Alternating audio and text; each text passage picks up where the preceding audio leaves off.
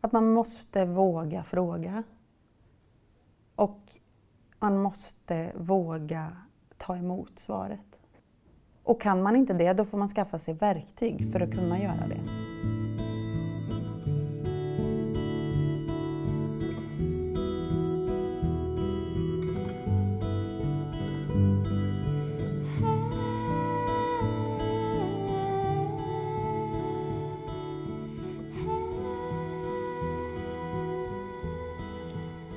Podd som görs av NKA, Nationellt kompetenscentrum anhöriga. NKA är en verksamhet som arbetar för att utveckla anhörigstödet i vårt samhälle. Och vi vänder oss till alla anhöriga, oavsett ålder, sjukdom eller funktionsnedsättning. Vi arbetar på uppdrag av Socialdepartementet och i nära samarbete med Socialstyrelsen. Organisatoriskt tillhör vi Region Kalmar och flera av medarbetarna hos oss har också en anställning inom forskningen på Linnéuniversitetet. En del i vårt uppdrag är att sprida kunskap om anhörigas situation och det är det vi vill göra med denna podd.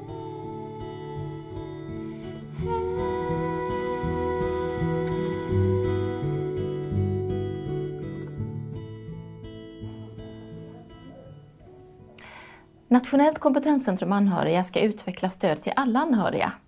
Barn kan också vara anhöriga. För att ha någon i sin närhet, en förälder, ett syskon, en kamrat eller en släkting som är sjuk eller har en funktionsnedsättning, gör att tillvaron för barnet påverkas i allra högsta grad.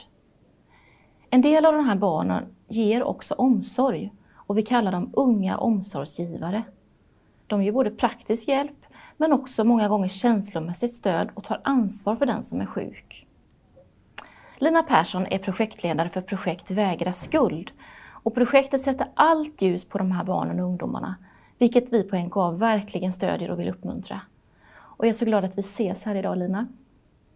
Vi ska prata om projektet såklart, men även resan fram till projektet och varför du har ägnat och ägnar så mycket av ditt liv för dessa frågor.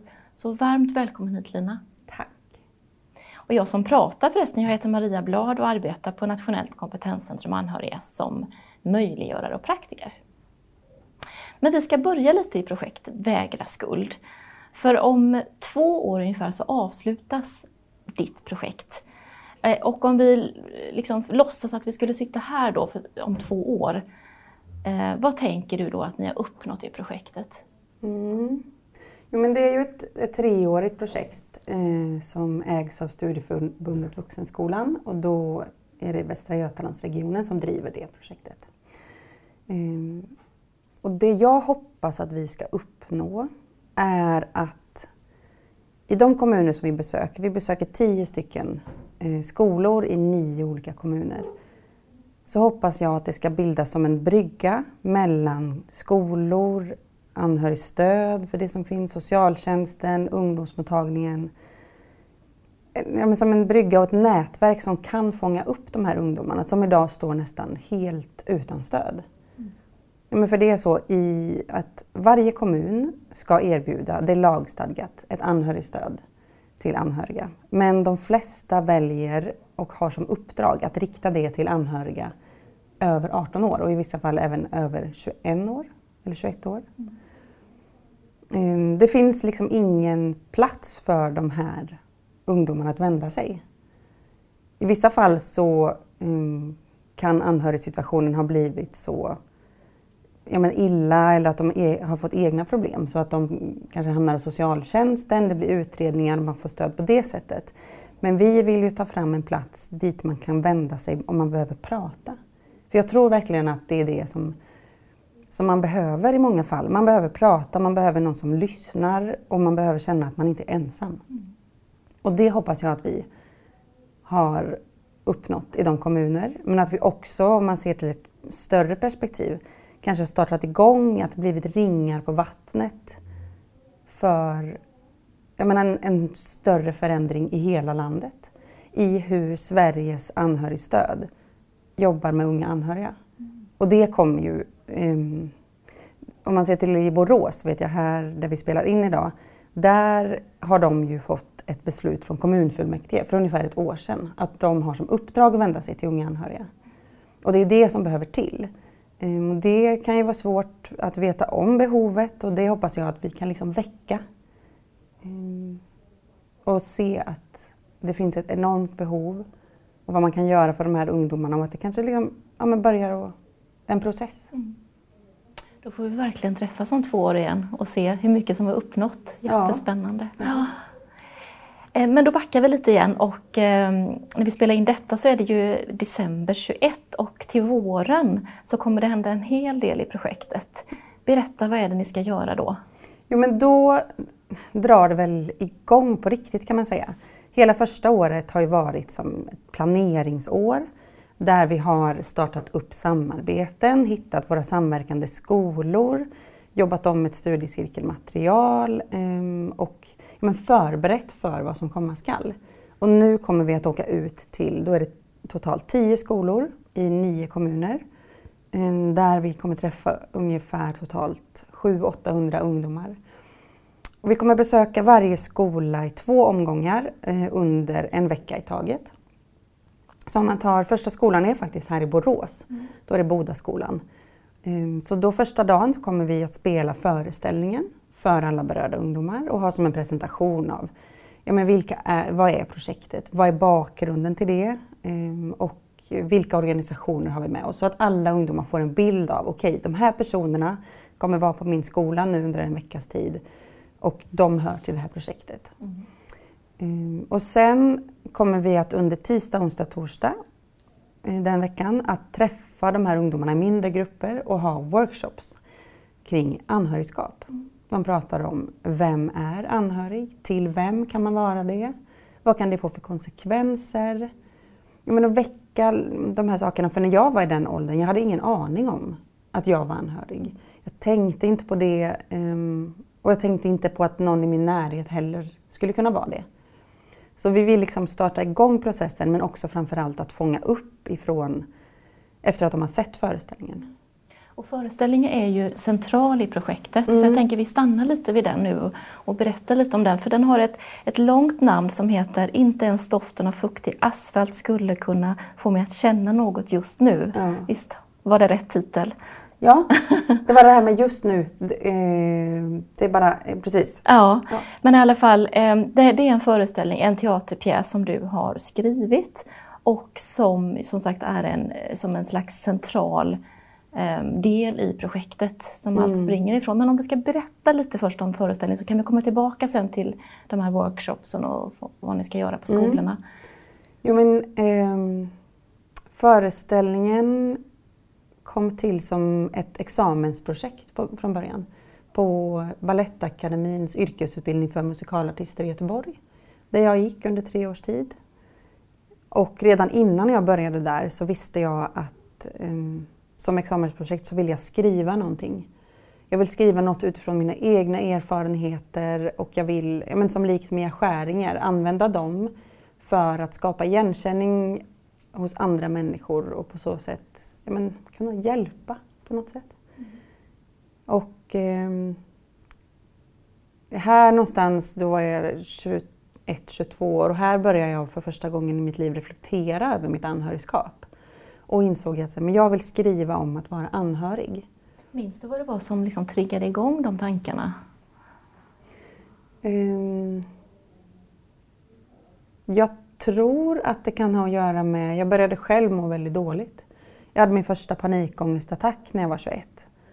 Um, ehm, utifrån den situationen som har skapats i min familj kring min stora syster som har en bipolär sjukdom. Um, och där man som, eller jag, man har varit en medlare och tagit jättemycket ansvar, främst eh, känslomässigt. Och jag tror, jag såg Mia Skäringers föreställning, den här mm. Dyngkåt och hur helig som helst. Mm. Och jag tror att det väckte, liksom startade igång någonting i mig. Um, och gav mig också plats att börja reflektera om så här, vad är det jag har varit med om och hur har det påverkat mig. Så när det var dags att börja jobba med föreställningen, eller mitt projekt då, examensprojektet, så tänkte jag från början att det bara skulle vara från den anhöriges perspektiv. Men jag insåg ganska snabbt att för att förstå vad det kan innebära att vara anhörig så behöver man förstå vad det kan innebära att vara sjuk. Och min stora syster har alltid skrivit jättemycket. Dagbok bland annat, men också texter, noveller. Ehm, så jag frågade henne om hon skulle vilja vara med. Och eh, det ville hon. Så hon har varit med och skrivit för, halva föreställningen. Den är som i en ehm, den är monologform, men vi är två skådespelerskor. En som är sjuk och en som är frisk. Och min stora syster har skrivit eh, den sjukes delar. Och det var ju bara tänkt att den skulle bli som ett examensprojekt men det var en producent där som hörde av sig i efterhand och eh, ville prata om föreställningens framtid, fortsättning. Och, och jag blev jätteglad. Ehm, så det liksom sådde ett frö om att men den här kanske vi ska spela på något annat håll.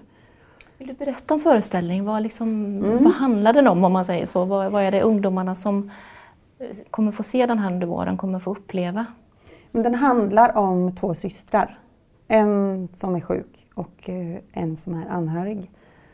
Och så får man, eh, den som är sjuk har bipolär sjukdom eller lever med det. Och man får följa henne genom... Eh, hon blir utskriven från sjukhuset igen, någonting som händer då och då. Och um, hur det känns och sen ner i ett depressivt skop, upp i en manisk period, inlagd igen, självmordsförsök. Så man får vara med i den resan och genom hennes dagboksanteckningar. Och parallellt med det så får man också följa hur det blir för den anhöriga. Hur hon Eh, parerar och eh, fixar och städar, ringer Försäkringskassan, skjuter på resor, avbryter jobb för att finnas till, hjälpa, stötta och stödja. Men också frustration hos den anhöriga. Mm.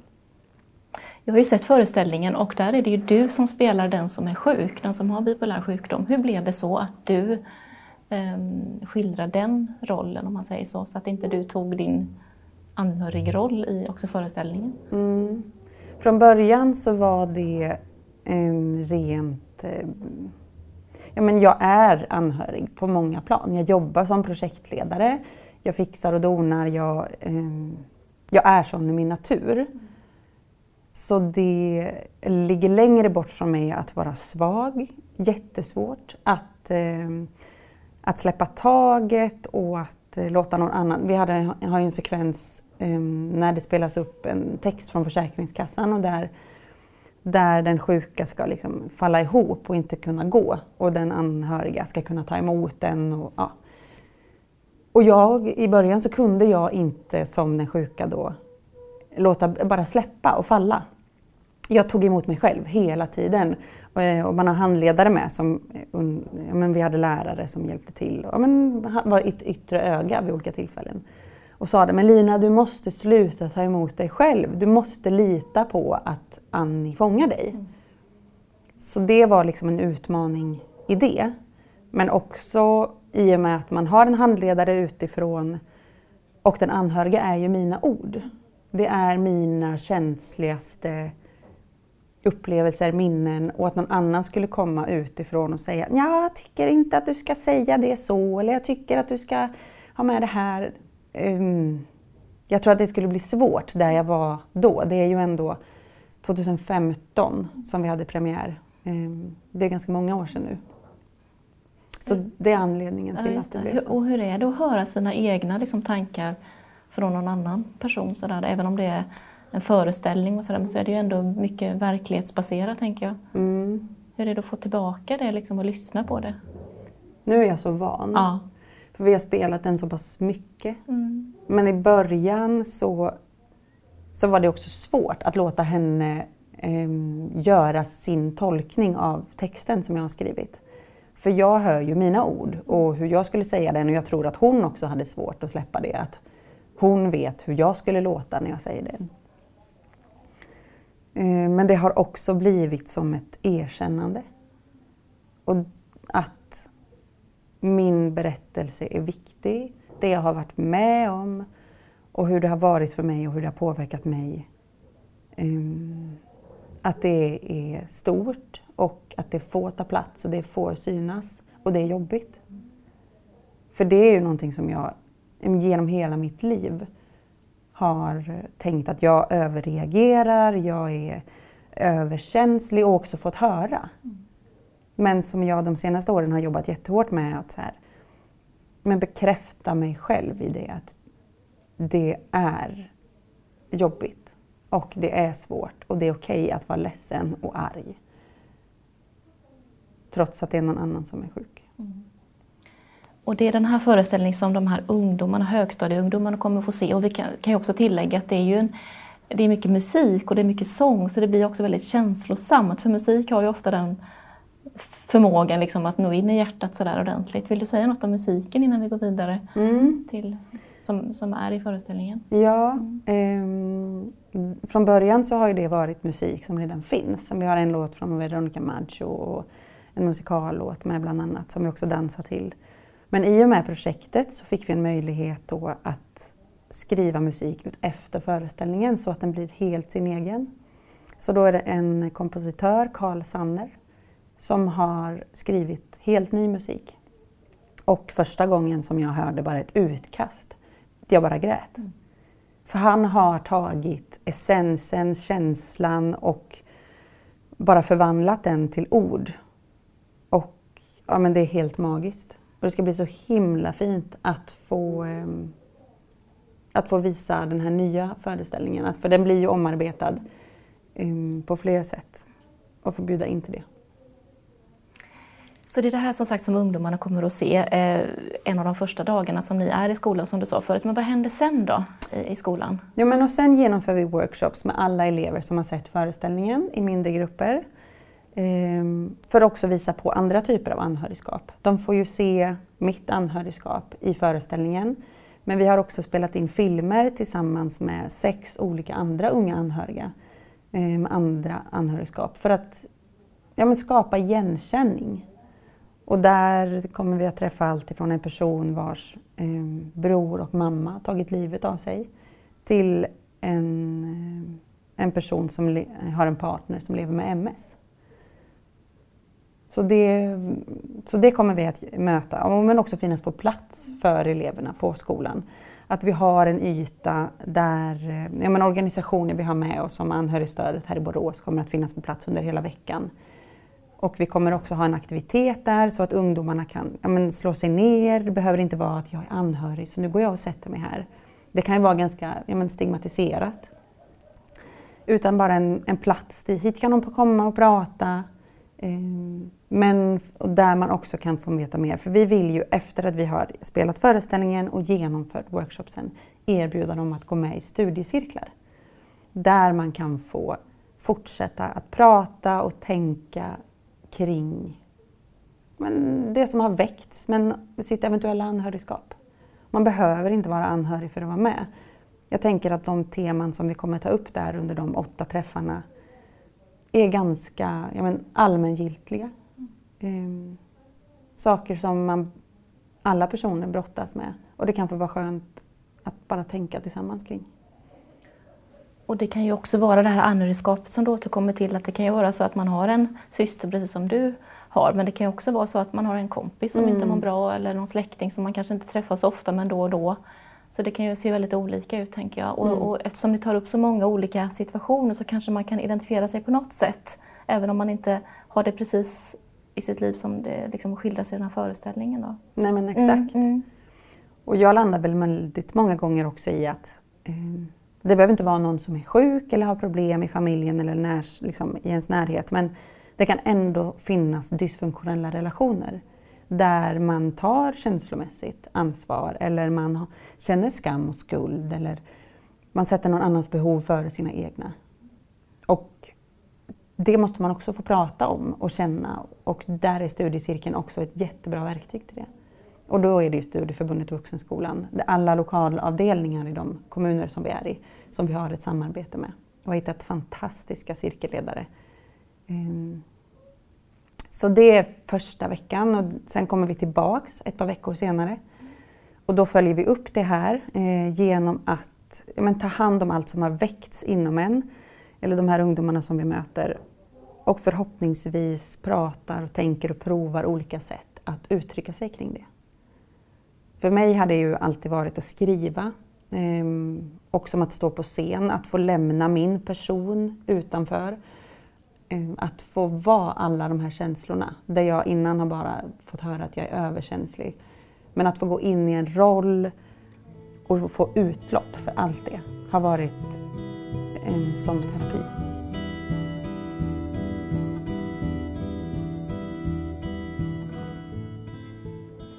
Är det okej om jag går tillbaka lite till din tonårstid? För de här ungdomarna ni spelar för, de är 13, 14, 15 sådär, mm. eh, årsåldern. Och när du var i tidiga tonåren, eh, kan du beskriva, kan du ge oss en bild av hur det såg ut då eh, för Lina i den åldern? Man, man tänker på relationerna i, i din familj och mm. hur det blev för dig. Ja... Um, jag har väldigt lite minnen av, av min liksom barndom, tonårstid. Och eh, jag tror att det har varit som en försvarsmekanism. I samtal med min mamma så har hon också uttryckt det, att hon inte heller minns mig. För att min syster tog så mycket plats och utrymme. Och jag... Eh, jag har ingen liksom åsikt kring det för jag vet att om min mamma inte hade lagt allt i fokus på min stora syster så hade min syster inte levt idag. Och det är klart att jag vill att det ska vara så. Men det är en mening som har etsat sig fast i mig. Men det som jag vet och minns är ju... Ja, men det var ganska stökigt hemma överlag på många olika sätt och att jag i det blev den städade, den som höll ordning. Um, om min syster hade glömt att plocka in i diskmaskinen eller det var liksom smulor kvar framme så såg jag till att det gjordes och om det inte gjordes eh, och det liksom uppmärksammades så kunde jag säga men det var jag. Eh, och att jag ja, men i många fall försökte att bryta cirklar av liksom, om det var bråk eller liknande. Jag minns en gång så ringde jag eh, till någon utanför familjen. Så, kan inte du ringa hit för nu bråkar de här hemma. Så att, jag, menar, jag försökte verkligen ta ansvar. Jag vet, jag har liksom, mamma har gråtit och jag har tröstat. Min syster hade um, självskadebeteende och ätstörningar i perioden när hon var ja, men kanske 13, 14. Um, och där jag upplevde att jag var den enda som, som såg det och som uppmärksammade det. Och att jag vet, um, hon hade, jag menar, hennes, första gången jag såg att hon hade skärsår på armarna så minns jag att jag frågade. Och att hon var så här, nej det är, det är ingen fara, jag, jag har rivit mig på rosenbuskarna. Hon sommarjobbade med, som trädgårdsmästare. Och att, ja men, stämningen hemma var som att man bara, alla vet men ingen pratar om det. Och jag har aldrig kunnat det. För det var uppenbart att din syster inte mådde bra, att hon, hade, mm. Hon var sjuk. Det, det var liksom uppenbart, det kunde man inte bortse ifrån. Men, men hur pratades det om det då? I nej, men inget. inget. Det nej. Finns, nej. Fick du någon förklaring då när du var i den åldern? Var, varför hon var sjuk eller vad som hände? Nej. Nej men vi har aldrig, aldrig någonsin pratat om det. Och gör väl inte fortfarande. Jag kan uppleva att det bara är jag som är anhörig i min familj. Um, och ja, kan känna liksom att det är ganska ensamt. Och inte kunna dela det. Jag vet att när min syster blev inlagd första gången när hon var 20, hon är tre år äldre än mig. Eh, och några år efter det så hade jag och mamma vårt första samtal om henne, hennes sjukdom. Eh, det var också först då som hon fick sin diagnos, även om hon haft problem innan det. Men jag, jag såg till att klara mig själv. Och det från att jag var åtta år gammal. Och flyttade hemifrån så tidigt som jag kunde för att jag ja, klarade inte av att vara där. Jag tänker om du tänker tillbaka nu på, på dig som barn, då, vad hade du önskat då? Då kanske du hade svårt att uttrycka det, man är i det, är det en annan sak. Men nu när du har perspektiv på det mm och när du har all den här erfarenheten och kunskapen, vad hade du önskat att någon sa till dig eller någon visade dig då när du var i den här turbulenta tiden? Ja. Jag och min kollega Linnea säger det ganska ofta till varandra att tänk om det här hade funnits när jag var liten. En plats eh, där jag kan få komma och prata. En plats där någon kan säga så här, det är inte ditt fel. Du behöver inte ta ansvar för det här. Um, kanske någon instans som kunde hjälpa oss i familjen att prata så att jag inte behövde ta ansvar för det. Uh, att samtal skulle skapas som kunde ge oss verktyg för det.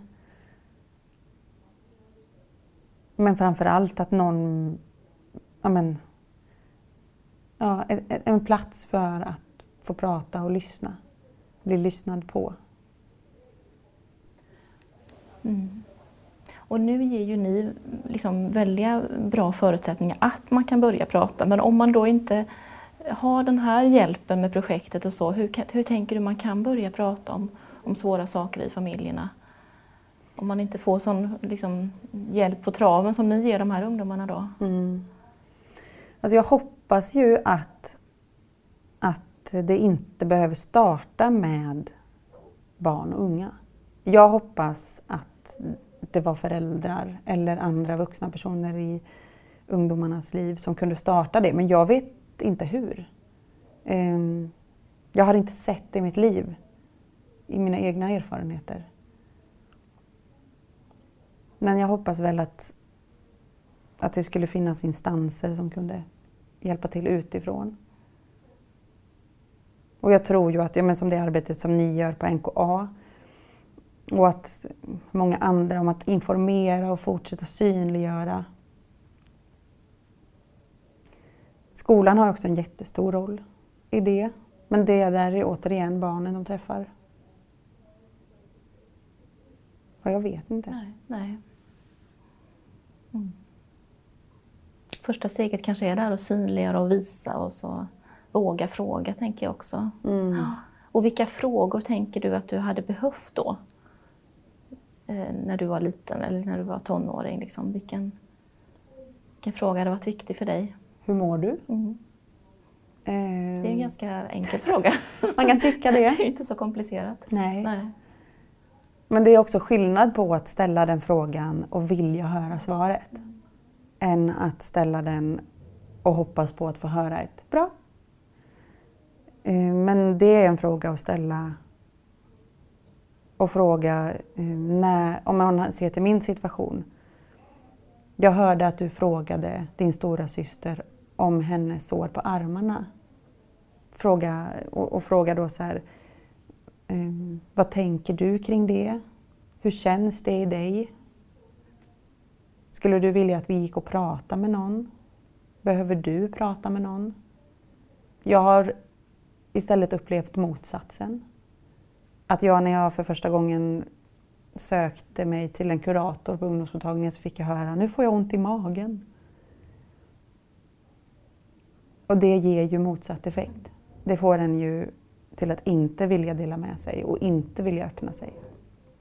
Så det var det mottagandet du fick mm. då när du tog mod till, mod till dig och, och ville liksom börja prata? Ja. Mm. Det här är ju många år sedan, du är vuxen eh, nu och eh, om du liksom, hur, vad har du fått förklaringen nu i vuxen ålder till din systers sjukdom och hur det var för dig då? Har du, om du tänker på nu när du är vuxen? Mm. Nej, men tyvärr inga. Ehm, jag tycker att förklaringarna har jag fått genom att prata med min syster. Och det startade också upp då när jag var 21 och började själv må väldigt dåligt. Det var väl första gången som vi började prata, hon och jag. Och det är som ett ständigt pågående samtal där jag tycker att vi idag har kommit väldigt långt. Och där hon har varit den drivande i eh, hur jag ska tänka, eller inte hur, men att tänka kring hur det har påverkat mig. Mm. Hon har varit den drivande i att eh, göra det här projektet att pusha mig i det. Eh, och att själv försöka hitta hjälp för att bearbeta vad jag har varit med om. Men ingenting ifrån dem som jag tänker skulle ta det ansvaret och hjälpa mig. Eller ge mig verktyg för det. Tyvärr. Projektet heter Vägra skuld och känslor av ansvar och att få dåligt samvete och känna skuldkänslor, det är också väldigt centralt. Varför valde du det, det namnet på projektet? Mm. Det var faktiskt ett samtal eh, med Tommy Ivarsson eh, som jobbar med en organisation som heter Jontefonden. Han skulle vara moderator på ett eh, stort event som jag producerade där föreställningen var ehm, central. Ehm, det var också första gången som ja, men jag skulle spela den för offentligheten där det bara handlade om den. Som någonstans är grund, ja, men starten till projektet kan man säga. Och vi hade ett samtal där vi pratade om hur det har varit i min familj och, och jag sa då, det här var 2018, nej men jag känner att jag har bearbetat allt det och det känns lugnt och det känns bra i mig. Och sen frågade han, eh, men hur är det med skulden då? Hur känner du kring skuld idag? Och jag bara bröt ihop. Och någonstans där så började men det växa i mig kring det och landade i det namnet, vägra skuld. Och det handlar inte om att alla ska vägra den, det handlar om att den ska landa där den hör hemma. Min farbror är psykolog och eh, han problematiserar ofta den här titeln. För han menar på att det är lätt att det blir så. Att alla säger det är inte mitt fel, nej men det är inte mitt fel heller, nej men det är inte mitt fel heller. Um, men vi vänder oss till unga anhöriga och det är till dem som vi vill säga det. Det är dem vi vill implementera det här i och vi vill att det ska befästa sig i dem. Att det är inte mitt fel. Och jag har inte ansvar i det. För det är en vanlig uppfattning bland unga omsorgsgivare att det är, är det någonting som har med mig att göra, mm. att den här personen, vem det nu är, är sjuk eller ja. inte mår bra. Liksom. Så att det är det som ett, vad ska man säga, ett, ett ord till dem. Mm. Ja. ja, men man börjar ju leta i sig själv. Mm. Är det något som jag gör? Och, och, där, och att känna Eh, vi, prat, vi har träffat en pilotgrupp som har varit med och tagit fram workshops och jobbat om studiecirkelmaterialet. Där um, vi tillsammans kommit fram till ett uttryck som är jag skäms för att jag skäms. Och skam och skuld ligger väldigt nära varandra. Um, och att vi vill lyfta bort det. Att det ska få vara okej okay att känna som man känner och tänka som man gör och jag kan väl än idag eh, tycka att det är, vissa saker är jobbigt att känna skuld över saker i min relation till min syster. Nu eh, mår hon mycket bättre än hon gjort på länge. Och hon pluggar eh, och ja, men är liksom inte sjukskriven, inte inlagd på psyket. Men jag kan ändå känna att ja, men jag driver ju det här projektet och och får göra det som jag brinner för. Mm. och att vi har så olika förutsättningar i livet. Och att det kan skapa skuldkänslor i mig och att jag förhåller mig utefter dem i vår relation. Så det finns kvar på ett sätt? Ja. Mm. Och, och vad är din drivkraft att, att driva det här projektet Vägra skuld? Varför vill du göra det och ägna dig åt detta så mycket liksom, som, mm. som, du har, ja, som du har gjort många, många år nu? Jag tror att det finns flera olika parametrar. En är att jag vill ge ungdomar det som jag själv inte fick. Jag vill ge dem en möjlighet, en verktygslåda till ett gott liv. För jag kan verkligen känna att jag har lagt väldigt stor del av mitt vuxna liv i tid och i pengar till att försöka att laga någonting som inte kanske hade behövt att lagas på samma sätt om det hade varit på ett annat sätt. Och inte att min syster inte skulle varit sjuk men att det fanns en annat sätt att förhålla sig till det inom familjen och att jag hade fått hjälp och stöd tidigare. Så det är en jättestor drivkraft. Mm. Men jag tror också att det handlar om just det att säga ge plats för min berättelse. Att verifiera det för mig själv. Ehm, och det kan ju låta lite egoistiskt, men det kanske man också kan få vara. Och om det ska till att jag behöver ehm, göra saker av det här måttet, att liksom stå på scen och träffa alla de här ungdomarna och för att känna att så här, okay, det är okej okay för mig att känna så här. Det är okej okay för mig att bli arg och frustrerad och ledsen och det är okej okay för mig att känna att det är orättvist att min mamma inte minns mig. Då kanske det får vara så. Så det tror jag också är en stor del av det. Mm. Om du tänker på vuxna eh, som möter barn i massa olika sammanhang. Har du något liksom medskick till vuxna generellt sådär när man mm. träffar barn som kanske eventuellt har det så här i sitt liv? Och som man då inte kanske pratar så mycket om för man skäms för det. Man tycker att det är inte jag som är sjuk och, och så vidare. Vad, vad tycker du vuxna ska liksom försöka uppmärksamma då? Att man måste våga fråga. Och man måste våga ta emot svaret. Och kan man inte det, då får man skaffa sig verktyg för att kunna göra det. För det, barn känner av sånt. Den, man känner av om du kommer inte klara av om jag berättar det här för dig. Um, och det behöver ju inte vara en upplevelse som alltid är riktig. Så därför måste vuxna vara extra tydliga med att, um, att visa det på olika sätt. Att jag finns här och jag lyssnar. Och jag ska hjälpa dig så gott jag kan. Och visa att det är den vuxne som tar ansvaret, ja, som har ansvaret faktiskt. Och barnet har inget ansvar. Nej, Nej. Nej men det är en jätteviktig mm. grej. Ja, det är nog det.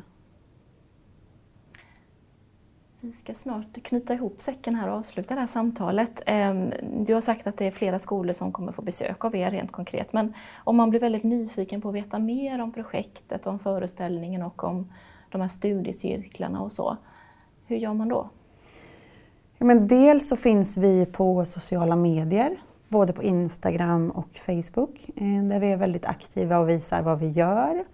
Men det blir också en plats för unga anhörigas röster som ibland eh, ja, men, vad säger man, tar över eh, våra sociala medier. Vi har en Youtube-kanal där vi lägger upp filmer som vi gör men också en eh, vlogg, som en, ja, men som en vlogg där vi träffar unga anhöriga eller personer knutna till projektet på olika sätt. Vi har en hemsida där man kan gå in och läsa mer. Um, och ta kontakt um, på alla sätt och vis. Det, det finns alltid ehm, utrymme för samtal. Och det upp, ja, men vi uppmuntrar verkligen till det. För det, min tanke är ju också att det tar inte slut här. Vi får väl se hur länge som man orkar hålla på och kriga som en anhörig kämpe på barrikaderna. Mm. Men men jag skulle vilja förändra förutsättningarna för unga anhöriga i hela Sverige. Och att det här skulle bli en metod som används nationellt. Eh, vi har skolor som har hört av sig som ligger utanför Västra Götalandsregionen där vi nu ja, är knutna till. Och jag säger det att vi har inte utrymme nu men vi har, vi vill och vi hoppas. Och ju fler vi kan få med oss redan innan desto mer kan man komma men till att söka medel från olika instanser för att få till det här på något sätt. Och för att förtydliga, ni har en egen hemsida som heter vägraskuld.se och mm. där kanske man når alla de andra plattformarna också misstänker jag. Ja. Facebook och Instagram och allting. Mm. Är det något annat Lina du vill liksom förmedla så här um, som du tänker på är viktigt? Ja, också till de unga anhöriga som kanske känner igen sig i vad jag berättar eller hittar till oss att det är fritt fram att höra av sig. Vi eh, finns absolut tillgängliga och eh, men i de kommuner som vi är och verkar i så har vi gjort en kartläggning över hur stödet ser ut och kan förmedla på det sättet som vi kan. Men också framförallt att det är inte ditt fel. Tusen tack Lina Persson för det här samtalet med dig kring projekt Vägra skuld och kring föreställningen Inte ens doften av fuktig asfalt skulle kunna få mig att känna något. Um, och allt annat vi har pratat om. Så tack för att du kom hit och lycka till med projektet. Ja, men tack så jättemycket för att jag fick komma. Vill du lyssna på fler poddavsnitt om anhörigstöd och anhörigskap så hittar du NK-podden där poddar finns. Och du kan också lyssna på NGA-podden på NGAs hemsida anhöriga.se. Den här podden har spelats in med hjälp av producent Paul Svensson och musiken i podden är skriven och framförd av Eva Lindsjö Lindell. Och vi ska avsluta med att få lyssna på en liveinspelning från en konsert med musik från föreställningen, framförd av Carl Sanner, Annie Nilsson och Lina Persson själv.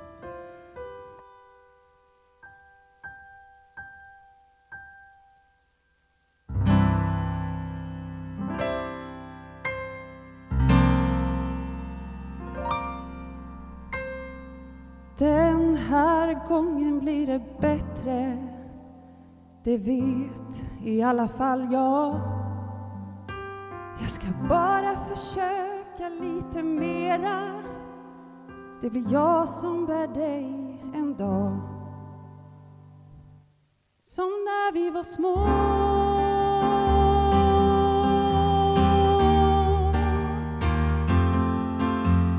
Vi kommer skratta tillsammans. Jag ringer för att höra din röst. Och inte för att bara bråka eller få tröst. Och jag ska lägga mig tidigt dagen innan du fyller år.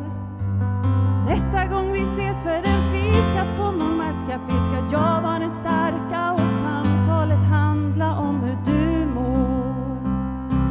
hur svårt kan det vara? Det alla andra klarar av Hur svårt kan det vara? Det klarar väl jag Hur svårt kan det vara? Går bara och väntar När kommer allt rasa ner? Gråter bara på natten Får inte vara svag när någon ser den här gången blir det bättre. Det Är kroniskt så svårt att förstå. Självklart ska jag låta dig hoppas Men fallet kommer komma.